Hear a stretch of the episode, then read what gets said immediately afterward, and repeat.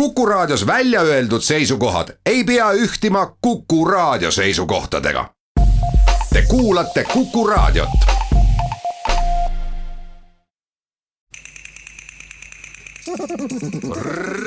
reisirada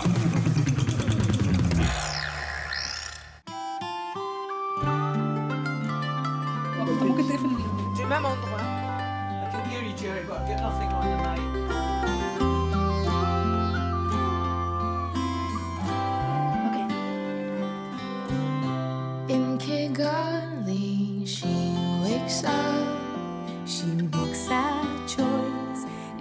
Hanoi, Natal, Ramallah. In Tangier, she takes a breath, lifts up her voice. In La Paz, Kampala. Though she's half a world away. Something in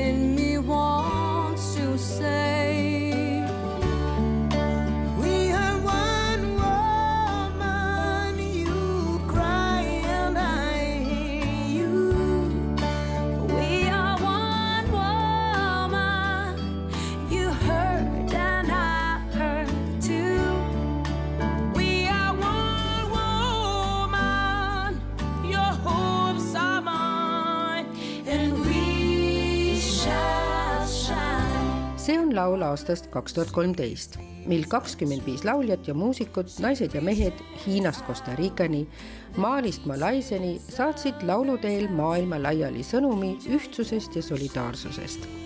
me oleme one woman, üks naine. laul on tegelikult üleskutse suuremale toetusele, võrdõiguslikkusele ja naiste õigustele. One Woman laulus avaldub soov, et naiste diskrimineerimine ja vägivald nende vastu lõpeks. selles on juttu naiste elust Kigalis ja Hanois, Natalis, Ramallas, Lahores, La Pazis, Kampalas. tere, Kuku raadio kuulaja, siin Tea Karin. selle lauluga tervitan teid saatesse Reisirada kaheksandal märtsil. rahvusvaheline naistepäev, mida tähistati esimest korda üheksateistkümnendal märtsil tuhande üheksasaja üheteistkümnendal aastal Taanis, Saksamaal, Austrias, Ungaris ja Šveitsis. selle kuupäevaga sooviti tollal rõhutada kuupäeva revolutsioonilist iseloomu, sest kaheksateistkümnes märts oli tuhande kaheksasaja neljakümne kaheksanda aasta märtsirevolutsiooni ohvrite mälestamispäev tuhande üheksasaja üheksandal aastal tegi Poola ja Saksamaa poliitik Rosa Luxemburg ettepanekut tähistada kaheksandal märtsil naiste solidaarsuse päeva. ÜRO ettepanekul hakati rahvusvahelist naistepäeva tähistama tuhande üheksasaja seitsmekümne seitsmendal aastal ja selle andmetel on tänapäeval üle saja riigi, kus naistepäeva tähistatakse. mina proovisin aga saate jaoks teada saada, mida teatakse naiste saavutustest meie maailmas. pakkusin välja mõned nimed ja kuulame korraks, mis sellest välja tuli. kas sa tead ühte Prantsusmaa naispilooti? Äh, ja ma tean, aga nimi ei tule aga ei tule okay. meelde. kes on sinu jaoks kõige kuulsam prantsuse naine, kes sulle meelde tuleb? Catherine Deneuve võib-olla, Simone de Beauvoir, Simone de Beauvoir, mis veel, Simone Veil kindlasti, kahe tuhande kahekümnendal aastal avaldas Caroline Criado Perez raamatu Nähtamatud naised, kuidas andmetest vallutatud maailm ignoreerib poolt elanikkonnast. see oli tema provokatiivne raamatu alatiitel. mehelikud normid unustavad naised, ütleb Caroline Criado Perez ja näitab, et see teeb maailma naiste jaoks isegi ohtlikuks. näitena toob ta autodisaini. Crash test nukud vastavad keskmisele mehele Euroopa Liidus peab auto läbima viis testi, enne kui ta turule lastakse. mitte üheski testis ei kasutata antropomeetriliselt korrektset naisnukku. kui autoõnnetustesse satub naine, siis raamatu autori järgi saab naine neljakümne seitsme protsendilise võimalusega raskelt vigastada ning tema hukkumise oht on seitseteist protsenti kõrgem. teise eluohtliku ebavõrdsuse hulka kuulub autori järgi ka infarkt uurimused nimelt näitavad, et valediagnooside võimalus naiste puhul on viiskümmend protsenti, sest eriti noorte naiste puhul ei esine sümptomitena rinnavalu, vaid niinimetatud atüüpilised kõhuvalud, hingamisraskused, halb enesetunne ja väsimus. Ka angiogrammid ei näita blokeeritud artereid ja nii juhtubki, et normaalsete angiogrammidega naised saavad infarkti samuti on kinnistunud peadesse elukutsed, omadused, mida seostatakse kindlalt ainult meestega. näiteks üle saja aasta peeti niinimetatud Birka skeletti viikingi ajast mehe skeletiks, kuigi tal olid täiesti üheselt arusaadavalt naise puusad. segadust tekitas, et tema juurest leiti relvad ja kuigi relv ei ole evolutsiooni bioloogiliselt tõend inimese soo kohta, jäädi mehe variandi juurde kindlaks teadlaste arutelu viis lausa absurdini, kuni DNA-test tegi selgeks, et tegemist oli ikkagi naisega. ja juba Aristoteles mainis ju, et tüdrukud, kes ilmale tulevad, on teistmoodi kui poisslapsed. oma raamatus toob Criado Perez välja teaduslik ajaloolise ülevaate patriarhaalse ühiskonna olukorrast, mis poolt elanikkonnast ignoreerib, nii nagu see on kirjas ka raamatu pealkirjas autor ise on just see naine, kes edukalt surus läbi, et Jane Austini pilt kaunistab kümnenaelast rahatähte ja kirjeldas ise Guardianis oma raamatut sõnadega põrgulik, mis pani proovile tema mentaalse tugevuse, olles väga emotsionaalne raamat. see on raamat tervest maailmast, ütleb ta, ja kohustuslik kirjandus tervele maailmale oma raamatu eest Nähtamatud naised autasustati teda Royal Society Science Book auhinnaga. filosoofi Simone de Beauvoiri sõnade järgi on tegemist mitteavalikult välja öeldud enesestmõistetavustega eriti problemaatiline, et maailmas, milles kõik aina rohkem põhineb andmetel ja need on muutunud valitsevaks, ütleb ta, muutub diskrimineerimine digitaliseerituks ja sellega ka süsteemseks Big data kontrollib maailma, aga kui teda korrumpeerida vaikimisega, siis saame me ainult pooltõed, mis naiste puhul ei vasta. süsteemse ebavõrdsuse veel üheks näiteks on brutosisemajandus mis autori järgi näitavad samuti võltsitud reaalsust. eeldatavasti teevad tasuta hoolde- ja kodutööd, mis lasuvad kuni seitsmekümne viie protsendiliselt naiste õlul, viiskümmend protsenti kogutoodangust. Nendel maadel, kus sissetulek on väike, on see lausa kaheksakümmend protsenti. et naised sellega sageli enda eest seisma peavad, kuulemegi vahele USA laulja Christina Aguilera laulu Fighter, võitleja, kes on kirjutanud laulu naiste jõust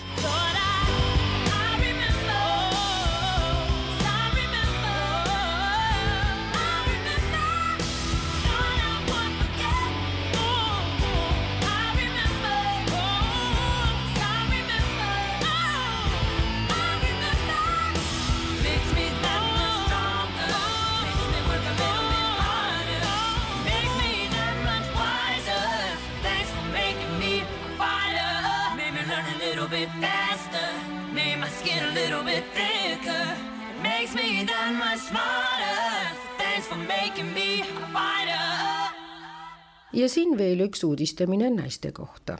kas sina tead, kes on Ada Lovelace, ei tea, kes on Simone de Beauvoir? ei oska öelda, kas sa tead, kes on Angela Merkel? jah. ta on Saksamaa asekantsler. informaatika kehtib tänaseni rohkem kui meeste valdkond. Kui nüüd meenutada, siis esimene arvutiprogramm kirjutati aga naise poolt. selleks oli kirglik matemaatik Ada Lovelace. tegemist oli esimese standardiseeritud kõrgkeelega. Adal, Lord Byroni tütrel, oli õnne abielluda suurepärase mehega, kelleks oli William King. tema toetas mitte ainult Ada matemaatikategevust, vaid avardas tema jaoks ka tagurliku ühiskonna piire, astudes Royal Society klubisse, millel oli juurdepääs raamatukogudele, kuhu naised veel minna ei tohtinud. ja seal kirjutas ta Ada jaoks maha vajalikke artikleid. arvuti, mille jaoks Ada programmi kirjutas, ei saanud küll kunagi valmis, aga programmeerimiskeel nimetati Lady Lovelace'i järgi Adaks ja ta on sarnane Pascaliga. naine, keda tuntakse tänu avastusele uute radioaktiivsete elementide avastamise eest, kes sai Nobeli preemia keemias ja kelle töö on läbimurdvalt muutnud teaduse arengut, oli Marie Curie. aastal kaks tuhat seitseteist oleks Marie Curie saanud saja viiekümne aastaseks. muuseumi direktor Margit Sovetsko-Martšinek rõhutab, et Marie Curie tähtsus ei seisne ka mitte ainult tema teaduslikes saavutustes Uh, I think that uh, she she could be an example that for for every uh, woman and every man, but I think that especially for men, that uh, if we have uh, dreams, we would like uh, to do everything. Curie sobib heaks näiteks sellest, kuidas iga mees või naine, eriti aga just naine, võib saavutada kõik, mida ta tahab, kui tal on suur unistus ja kirg selle elluviimiseks. tollal oli see väga raske, sest Maril puudus Varssavis ligipääs teaduslikele õpingutele, aga ta sellegipoolest leidis lahenduse. toona oli maailm naistele suletud, temal aga õnnestus siseneda meeste teadusmaailma, sest tal oli suur kirg teaduse vastu. ta teadis väga täpselt, mida ta teha tahtis, ta tahtis olla naisteadlane For me, it's very important because I like climbing, and you know, in Poland, the uh, highest topic is the Rysy, and two, uh, 2,499 meter. And in 1819, she uh, climbed on this topic with Pierre Curie, and it was the time when it was not popular to climb in Tatra mountains. And for me, it is it is great because it uh, it shows that she was normal uh, normal human being, yes, normal woman, and she was not interested in uh, science, but also in uh, usual um, life. She she likes she liked uh, mountains. She likes theater. She likes she likes music, poetry. So it was not only laboratory. kuna mulle meeldib mägironimine, siis on mulle isiklikult oluline hoopis lugu sellest, kuidas Curie Poola kõige kõrgema mäe tipus käis. see on kaks tuhat nelisada üheksakümmend üheksa meetrit kõrge ja aastal tuhat kaheksasada üheksakümmend ronis ta koos oma mehega selle mäe otsa. Tookord ei olnud Tatra mägedes ronimine veel sugugi populaarne, aga see näitab, et Curie elu ei möödunud ainult laboriruumides teadust tehes, vaid talle meeldis ka muusika, teater ja igasugune muu meelelahutus. Margaret Sovjetško-Martšinek rõhutab, et see oli aeg, mil naisena oli palju julgust vaja, et olla teistsugune. ja siiski saavutas Marie Curie selle, et me võime öelda, et ta oli esimene lektor ülikoolis, esimene naisprofessor, tegi esimesena autojuhi load. Tavainimese jaoks oli ta tõepoolest imelik ja meeste jaoks seda enam, et ta üldse mõtles nii, et on nendega võrdne ja Margaret Sovjetško-Martšinek naerab, et ajad ei ole siiski päriselt muutunud. yes, maybe not exactly in this level, but yes, more or less the same.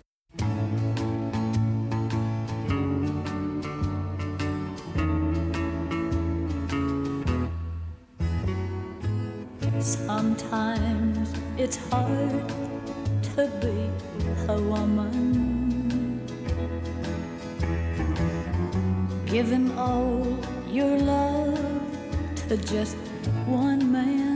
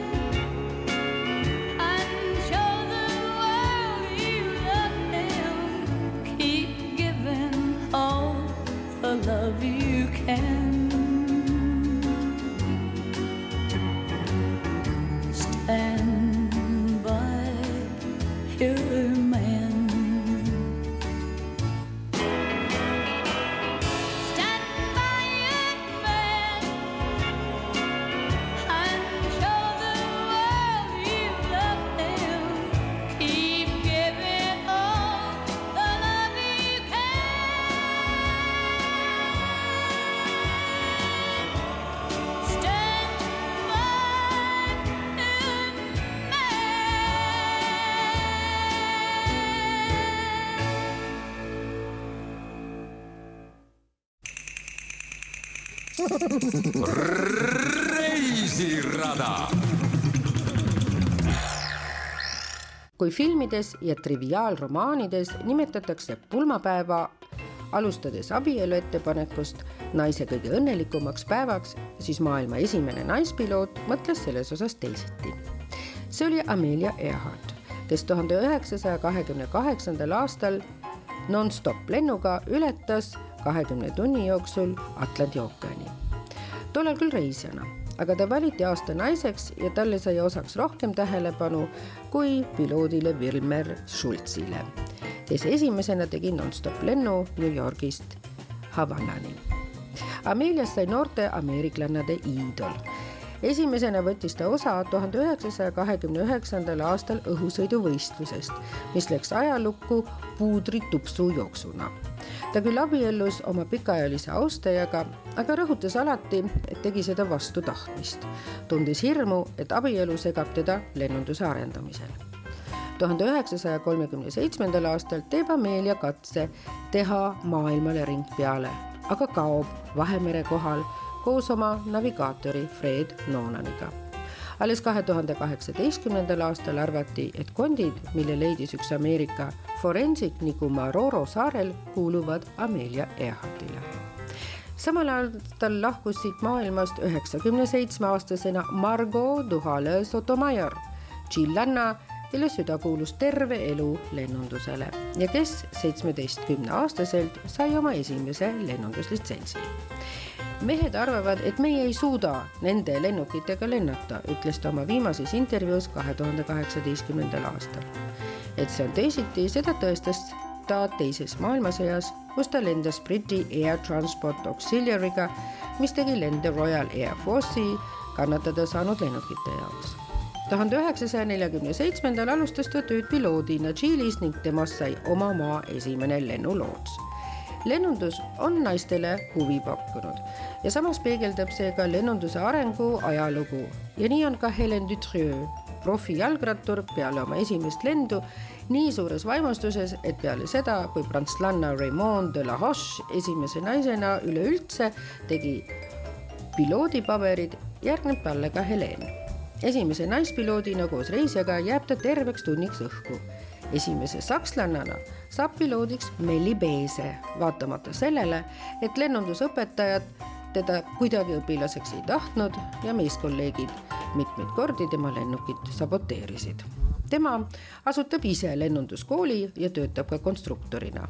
tema elulugu on dramaatiline, tuhande üheksasaja kahekümne viiendal aastal lahkub ta vabatahtlikult maisest elust, legendi järgi sõnadega lendamine on vajalik, elu ei ole seda tuhande üheksasaja üheteistkümnendal aastal saab Harriet Quimbist esimeseks USA naispiloodiks, kes viib läbi esimese naisena öölennu.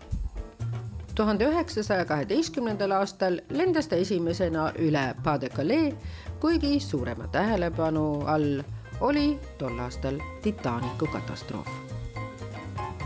naise teema lennunduses pole tänasenigi lõppenud. nimelt pidi lennuliin El Al tegema oma poliitikas muutuse. põhjuseks oli, et neli ultrareligioosset meest keeldusid New Yorgist lennule Tel Avivi oma kohtadele istumast, sest nad oleksid pidanud istuma naise kõrval survet muutusteks avaldas üks suurimatest tehnoloogiaettevõtetest Iisraelis, öeldes, et nad ei tee äri mitte ühegi firmaga, mis diskrimineerib kedagi rassi, soo või religiooni tõttu El-Allil on mitmeid kordi olnud probleeme niinimetatud hareedidega, ultraortodoksete reisijatega. täna aga näevad eeskirjad ette, et lennult kõrvaldatakse see isik, kes keeldub kellegi kõrvale istumast. ning kahe tuhande kaheksateistkümnendal aastal langetas kohus otsuse, et kedagi ei tohi tema soo tõttu ümber paigutada. nüüd aga veidi muusikalise osa juurde Nick mit dem Kopf ehk Nick peaga on loonud loo Laul naistele, ein Lied für die Frauen. Kennst du das? Du kommst von der Arbeit heim, fragst, kann ich Fußball schauen? Sie sagt ja, doch mein Nein. Oder willst dir aus Liebe einen Strauß Rosen schenken? Dann denkt sie direkt, du bist mir mit einer anderen fremdgegangen. Du kriegst täglich eine GZSZ. Und wenn du nicht gleich antwortest im Facebook-Chat Stress.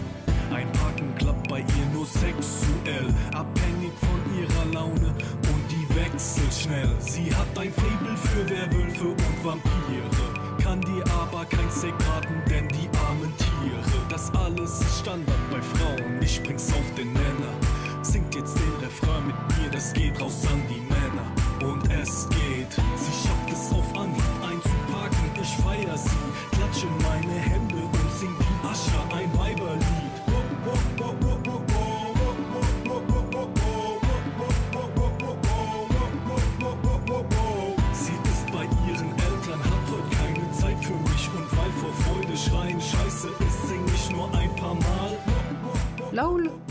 Erinevusi naiste ja meeste vahel, meeste vaatenurgast, millised on naised nende jaoks, kes teevad pikki telefonikõnesid.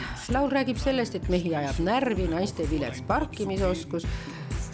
räägib sellest, kui tuled koju roosikimbuga, siis arvab naine, et sul on teine ja kui tahad rahu saada,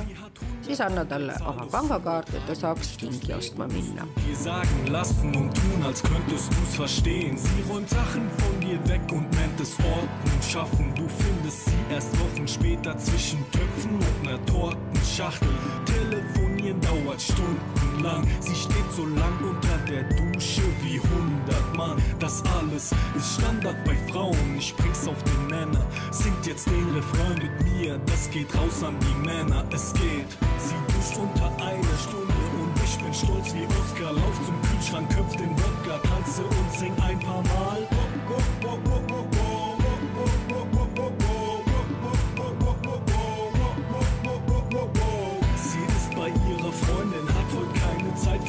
und weil vor Freude schreien Scheiße ist, sing ich nur ein paar Mal.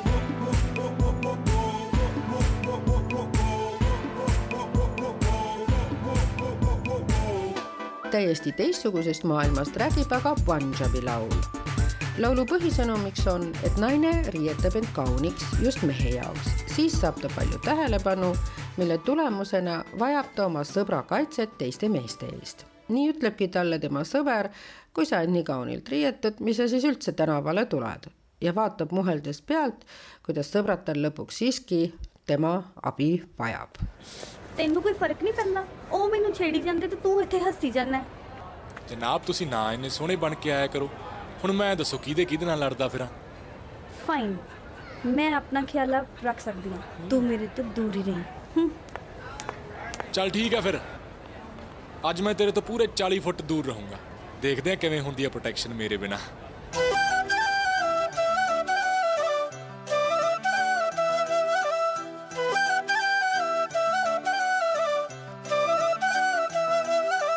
ਦਰਸ ਦਾ ਜਾਪੇ ਤੂੰ ਫਰੂਟ ਸੋਣੀਏ ਲੱਗੇ ਕਿਸੇ ਪਰੀ ਦਾ ਸਰੂਪ ਸੋਣੀਏ ਹੋ ਦਰਸ ਦਾ ਜਾਪੇ ਤੂੰ ਫਰੂਟ ਸੋਣੀਏ ਨੀ ਲੱਗੇ ਕਿਸੇ ਪਰੀ ਦਾ ਸਰੂਪ ਸੋਣੀਏ ਦੇਖਾਂਗੇ ਹੁਸਨ ਕੀ ਕੀ ਕਾਰੇ ਕਰੂਗਾ ਪਹਿਲੇ ਤੋੜਦੀ ਸ਼ਰਾਬ ਵਾਂਗੂ ਨਿਕਰੀ ਦਾ ਜੇ ਤਿੰਨ ਚਾਰ ਗੱਭਰੂ ਹਲਾਕ ਕੀਤੇ ਨਾ ਫਾਇਦਾ ਕੀ ਪਲਾਜ਼ੋ ਪਾ ਕੇ ਨਿਕਲੀ ਦਾ ਜੇ ਤਿੰਨ ਚਾਰ ਗੱਭਰੂ ਹਲਾਕ ਕੀਤੇ ਨਾ ਫਾਇਦਾ ਕੀ ਪਲਾਜ਼ੋ ਪਾ ਕੇ ਨਿਕਲੀ ਦਾ nüüd aga Indiast jahedamasse Hamburgisse Põhja-Saksamaal. kes ei teaks Hamburgi kuulsat reperbaari? Saksamaa üks tuntumatest ja armastatumatest lauljatest, provokatiivne, alati aktuaalne Udo Lindenberg on teinud laulu reperbaarist. ja nii ei ole ehk üllatav, et Hamburgis osatakse mõelda ka veidi teisiti. näiteks kahe tuhande kuueteistkümnendal aastal sai üks linna tänavatest nime Domenica ühe kuulsa prostituudi järgi.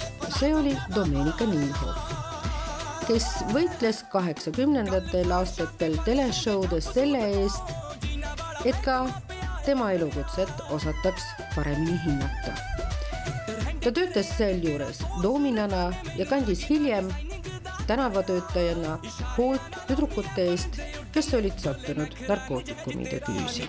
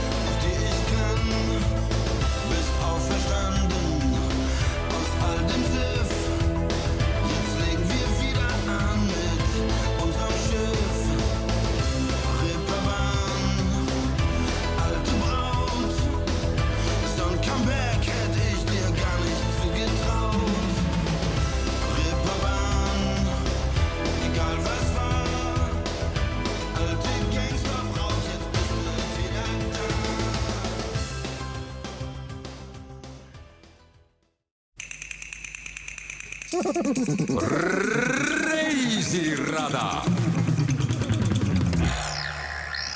ja veel ühele naisele on pühendatud üks tänav Hamburgi, Hamburg-Altonas. see on Helga Federsen, saksa keeli ulknuudel. pikk ja kõhn oli ta koomik, samas laulja, näitleja, autor. kokku on Hamburgis nimetatud kümme tänavat naiste nimedega, sealhulgas ka juudi päritolu ärinaine Glückel von Hameln. ka Tallinnas leiame tänavatel mõned naiste nimed. Lähenemine on olnud aga veidi teistsugune. Kristiines järvel paiknevad Laine ja Virve tänav. Nemad on aga nime saanud Ülemiste järve mõjul, lainetus ja virvendus. kui näiteks Jaan Poska, Paul Keres, Jans Lauter on elanud tänavatel, millele nende järgi nimed anti, siis Miina Härma ja Liidia Koidula tänaval ei ole aga teadaolevalt nende isikutega otsest seost, aga nimedena on nad siiski olemas. Enam ei mäletata aegu, kus ka Saksamaal võis naine töötada ainult siis, kui tema abikaasa seda lubas. muutus toimus alles aastal tuhat üheksasada seitsekümmend seitse ja kuni esimese juulini tuhande üheksasaja viiekümne kaheksandal aastal võis veel mees lõpetada naise töösuhte ilma kooskõlastuseta abikaasaga. isegi kui naine töötas, siis tema palga üle otsustas mees. asi oli nimelt selles, et naistel ei olnud võimalik omada pangakontot Baierimaal ei tohtinud naisõpetajad abielluda sarnaselt preestritega. Neil tuli langetada otsus, kas pühenduda teistele lastele või jääda koju ja pühenduda enda omadele. aga ka aastal kaks tuhat kakskümmend saavad naised vähem palka kui nende meeskolleegid. suurim on vahe elukutses nagu müüjad. see-eest politseis, kus Saksamaal näiteks on naisi ainult kümme protsenti, saavad nemad meestest rohkem palka kuidas on lood Eestis, siis Statistikaameti esialgsetel andmetel esines kahe tuhande kaheksateistkümnenda aasta oktoobris palgalõhe kõikidel tegevusaladel. kõige suurem oli see finants- ja kindlustustegevuses kuni kolmkümmend kaks koma kaks protsenti. palgalõhe nagu ka tööturuvõimalused on oluliseks teemaks näiteks ka Austrias Austria suurim teadus- ja hariduskeskus on kaheksandal märtsil võtnud samuti üles teemad naiste ümber, rääkides edust nagu naiste valimisõiguse saavutamine, teise külje pealt aga ka teemad, et paljudes maailma paikades peavad naised ikka veel oma õiguste eest võitlema näiteks protesteerivad naised Iraagis koos meestega tänavatel šiitide mõjuka juhi Muqtada al-Sadri korralduse vastu, et ka demonstratsioonidel peavad naised ja mehed olema eraldatud. tund aega demonstreerisid nad Bagdadis ümbritsetuna meestest, kes nende ümber kaitseringi moodustasid Alors j'ai été accusée que j'avais blasphémé contre la personne du prophète et que j'étais en train de détourner les jeunes filles du droit chemin. Üheks hiljutiseks näiteks on aga Pakistanist pärit kristlane Asia Bibi, kes kohtus veebruari lõpus Prantsuse presidendi Macroniga Elysee palees. Pariisis tutvustas ta oma raamatut Päästke mind. kuna ta ei oska ei kirjutada ega lugeda, siis abistas teda üks Prantsuse ajakirjanik ning Pariisi linnapea Anne Hidalgo andis talle aukodaniku tiitli teda süüdistati blasfeemias ja kuigi ta mõisteti peale kaheksat aastat vangistust õigeks, ei saanud ta vanglast väljuda, sest islamistid nõudsid tema hukkamist. kogu perekonnal tuli maalt lahkuda, mis oli väga keeruline ettevõtmine.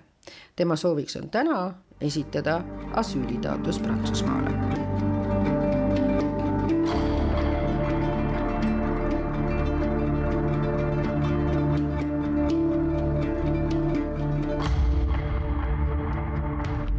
kuidas on aga lood kunstliku intelligentsiga? arvatava objektiivsuse tõttu arenenud maadel usutakse, et kunstliku intelligentsi otsused on sooneutraalsed.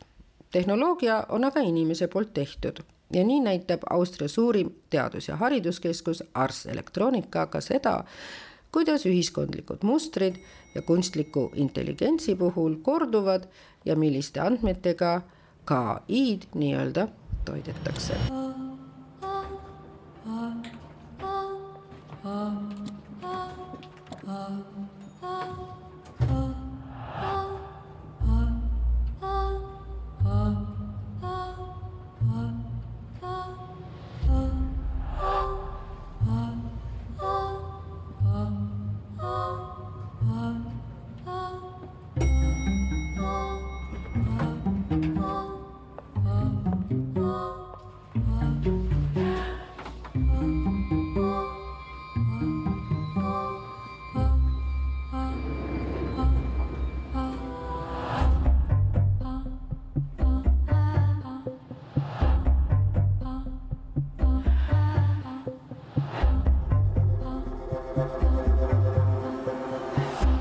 Kahe tuhande kahekümnendal aastal jõudis publiku ette ka film Bombshell, mis peaks julgustama vastuhakku strukturaalsele seksismile.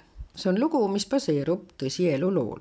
Prahas kerkib aga kahe tuhande kahekümnenda aasta juulikuuks Austria keisrinna Maria Theresia ausammas, mille püstitamist toetas esmajärjekorras Koruna Tšeska ehk Tšehhi kroonipartei sama kuulus on aga ka Hildegard von Bingen, keskaja kangelanna, kes saavutas selle, et katoliku kirik, kelle naistega just kerge ei olnud, midagi muud teha ei saanud, kui ta pühaks kuulutada. kõigepealt oskas ta kirjutada ja lugeda, oskused, mida tollal tüdrukutele ei õpetatud. Nii kirjutas ta religioonist, meditsiinist, muusikast, eetikast ja kosmoloogiast kaheteistkümnendal sajandil asutas ta oma kloostri Rupetsbergil Reini ääres, Pingeni linnas ja pidi muidugi pidevalt võitlema meestega, kes just hea meelega tema edu ei tunnustanud. täna on ta tuntud oma eriliste teadmiste poolest loodusravist, mitmetes kloostrites Saksamaal on loodud temanimelised aiad ja need teadmised on täna sama populaarsed kui tuhat aastat tagasi. Tallinnas on suurim Hildegard von Bingeni pilt Ukraina kiriku siseõuel spordihuvilised ehk teavad aga ka nime Nicole Petignan, kelle vile järgi tantsisid mitmed mehed, nii võiks sõna otseses mõistes öelda. šveitslanna oli nimelt esimene naine, kes kohtunikuna meeste jalgpallis juhtis ka kõige kõrgemaid profiliiga mänge. sealhulgas ka meeste UEFA kappmängu augustis kaks tuhat kolm. Saate tehnilise külje eest vastutas Veiko Rebane, teksti luges Jüri Mutika. mina esitan siin aga veel ühe küsimuse, millised on mehed, kelle nimi kiirelt meelde tuleb? nimeta paar kuulsat meest Ähm, Gérard Depardieu näiteks ähm,. Äh, Charles, Charles Aznavour ähm,, Emmanuel Macron ähm,, Nicolas Sarkozy, poliitikate nimeni ähm,. Üks, ja, ja võib-olla minu äh, põhi nagu mees, kes tuleb meelde nüüd on Nelson Mandela jääme saate lõpetuseks seega meeste juurde, sest ka Ameerika lauljal Taylor Swiftil on hiljuti välja tulnud laul, mis kannab nime The Man.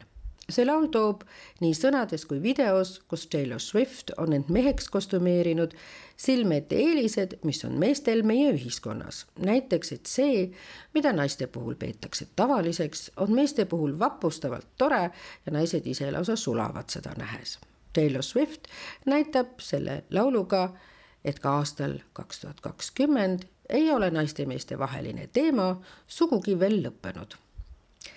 reisirada jääb kuulatavaks Kuku raadio podcasti. Kui aga satute oma reisidel Varssavisse ja astute sisse Marie Curie muuseumisse, siis pange tähele ka seda väikest elevanti, mille Maria Sklodowska-Curie USA presidendilt Herbert Hooverilt kingiks sai. ja ärge jätke kahe silma vahele ka nahkkotti, milles oli raha, et asutada Raadiumi instituut. allkorrus on järele ehitatud Maria labori järgi ja seal saab külastaja peale kahe tuhande seitsmeteistkümnendat aastat, kust läbi viidi restaureerimine, ise eksperimente katsetada.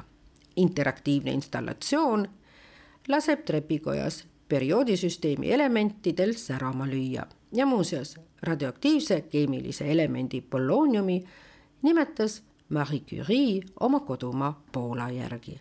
siin naistesaate lõpetuseks laul The Man. I would be complex, I would be cool. They'd say I played the field before I found someone to commit to. And that would be okay for me to do. Every conquest I had made would make me more of a boss to you.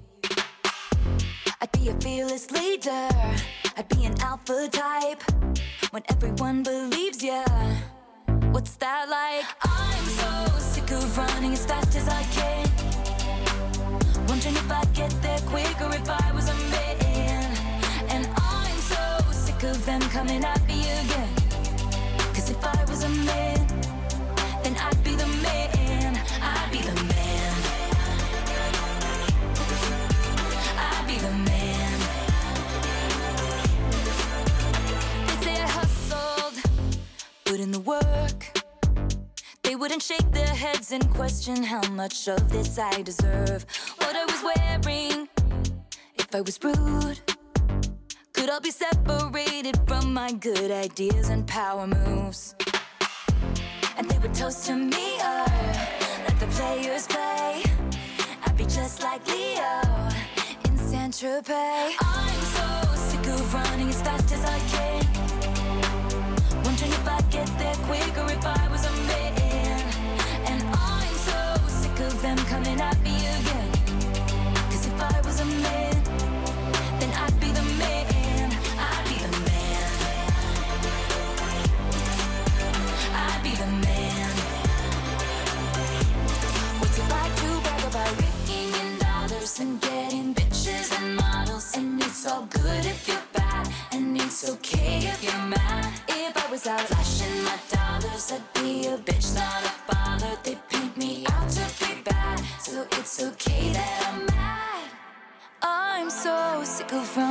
fast as I can. Wondering if I'd get there quicker if I was a man. You know that